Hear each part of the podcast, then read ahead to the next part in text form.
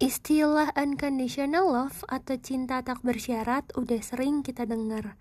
Tapi sebetulnya itu apa sih? Dan mungkin gak ya kita sebagai manusia bisa memiliki cinta yang semacam itu khususnya sama pasangan?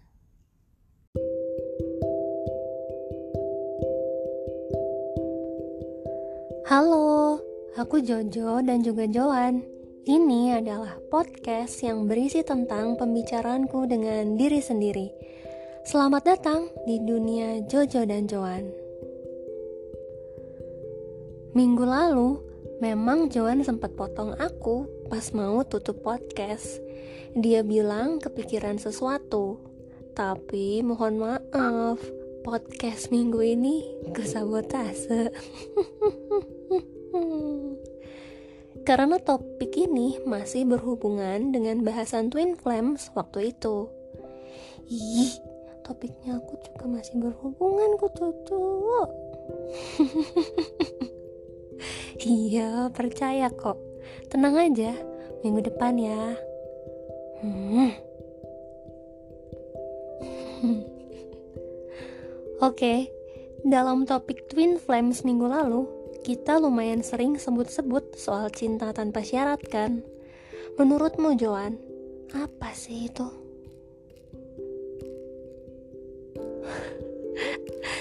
Oke, Joan ngambek. Kalau gitu, aku ngomong sendiri aja. Ya, sebetulnya emang selalu ngomong sendiri sih. Seperti yang udah kita tahu, orang-orang akan punya pengertian yang berbeda tentang sesuatu. Tentang cinta tanpa syarat pun begitu. Ada yang bilang demi mencapai cinta tanpa syarat, kebahagiaan pasangan adalah yang nomor satu. Gak berekspektasi terlalu tinggi, pasangan akan balas membahagiakan dirinya atau enggak. Ada juga yang bilang dalam cinta tanpa syarat itu, dia akan tetap mencintai pasangan dengan atau tanpa dirinya. Tapi menurut seorang psikoterapis yang bernama Abby Rothman nih, cinta tanpa syarat bisa bawa sisi negatif juga. Apalagi kalau ingin diterapkan dalam hubungan romantik. Karena menurutnya, mencintai tanpa syarat malah bisa membuat hubungan jadi kurang sehat. Aturan ketika berpacaran itu ada bukan untuk mengontrol, tapi justru supaya bisa saling memahami dan menghargai. Buatku sendiri, cinta tanpa syarat itu kalau dalam hubungan romantik ya, baru bisa terjadi kalau kedua belah pihak udah bahagia dengan dirinya sendiri gak menggantungkan kebahagiaannya pada orang lain atau khususnya pasangan. Bisa dibilang ya cinta itu malah datang ketika dia merasa udah gak terlalu mengharapkannya lagi. Menurutku juga nih, untuk memahami cinta tanpa syarat ini, kita memang perlu mendapat banyak pelajaran hidup atau pengetahuan yang cukup dulu.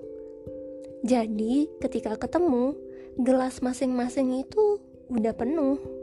Dan kalau hubungan romantik itu diibaratkan dengan saling bertukar gelas yang udah penuh tadi, masing-masing gak akan merasa dirugikan. Karena meskipun bertukar gelas, kuantitasnya tetap sama, tapi dengan isi yang berbeda, yang justru akan memperkaya satu sama lain. Lucu juga sih jadinya, cinta tanpa syarat baru bisa terjadi jika udah memenuhi syarat-syarat tertentu. Jojo, eh Joan, udah nggak marah? Apa sih siapa juga yang marah? Kalau misalkan nih ya, pacar kamu itu populer, sering chatting sama banyak perempuan, bahkan sering jalan bareng mereka juga kamu cemburu nggak? Nah kalau cinta tanpa syarat itu kan cenderung gak cemburuan gitu nggak sih? Hmm, menarik. Tapi akan ku jawab di segmen yang kedua ya.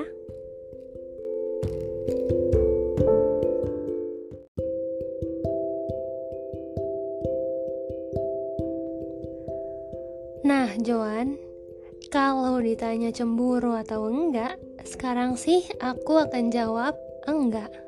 Enggak cemburu. Tapi mungkin saat pelaksanaannya, iya. ya mungkin akan ada perasaan itu. Cuma aku kebayangnya gini, andaikan aku udah sadar dan mau mengakui dengan rendah hati sebagai manusia, perempuan, aku ini cemburuan. Di awal sebelum pacaran, aku akan memastikan itu dulu. Misalnya, karena aku ingin punya kisah cinta dengan pasangan yang gak begitu karakternya, aku tanya dulu, apakah dia setelah pacaran masih akan sering chatting sama banyak perempuan atau enggak? Masih sering jalan dengan mereka atau enggak? Terus alasannya apa? Lalu aku pertimbangkan jawabannya.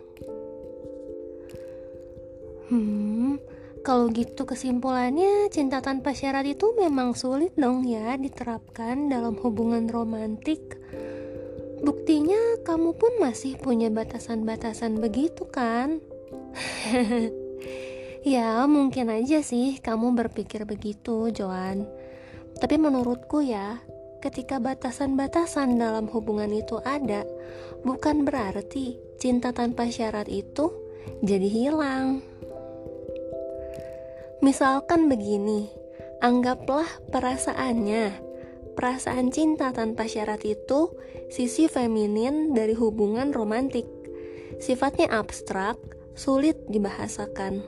Untuk itu, kita perlu bahasa untuk mewujudkannya atau mengomunikasikannya dalam dunia fisik ini kan. Di situlah energi maskulin masuk dua sisi ini ada untuk menyeimbangkan. Karena sedalam apa pun perasaan kita, tapi untuk membuat perasaan ini nyata, mewujud dalam keseharian kita, dan bisa dirasakan oleh pasangan, kita dan pasangan perlu melakukan segala upaya supaya semua itu terwujud, kan? Dan kurasa dalam hubungan twin flames yang konteksnya spiritual pun, batasan itu tetap diperlukan. Karena bagaimanapun, kita hidup di dunia fisik ini. Cara terbaik untuk bertahan itu bukan melawan, tapi belajar.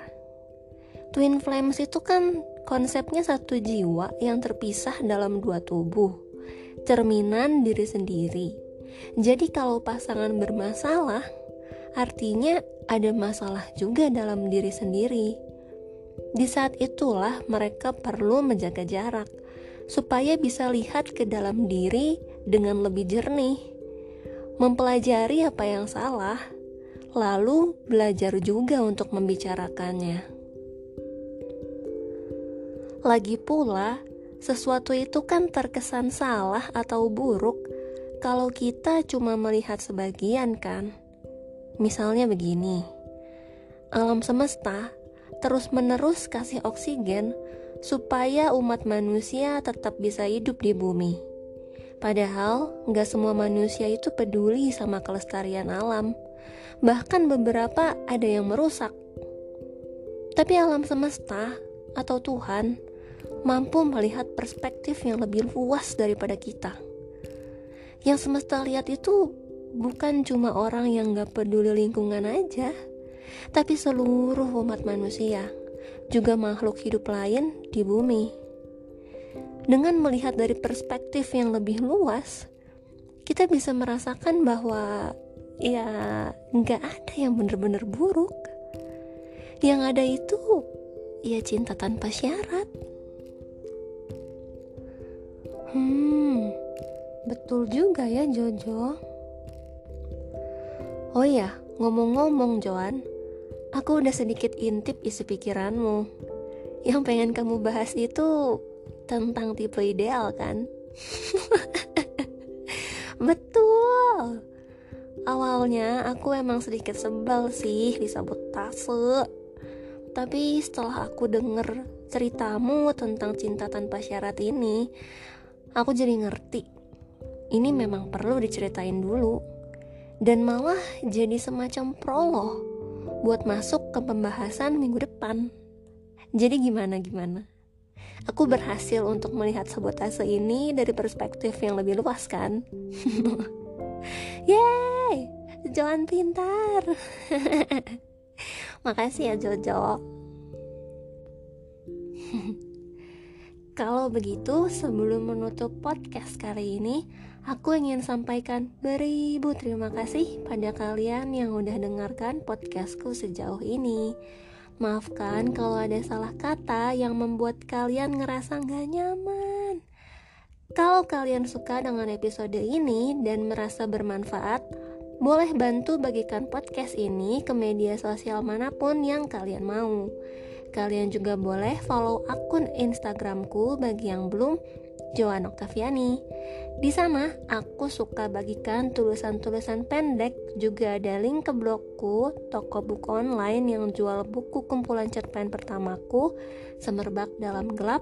Kalau kalian merasa tertarik, terima kasih sekali lagi. Semoga kalian dapat berkat tujuh kali lipat dari biasanya. Aku bilang kentutku wangi tapi kamu pasti gak percaya. Minggu depan kita ketemu lagi, biar sebentar, tapi membahana. Bye bye.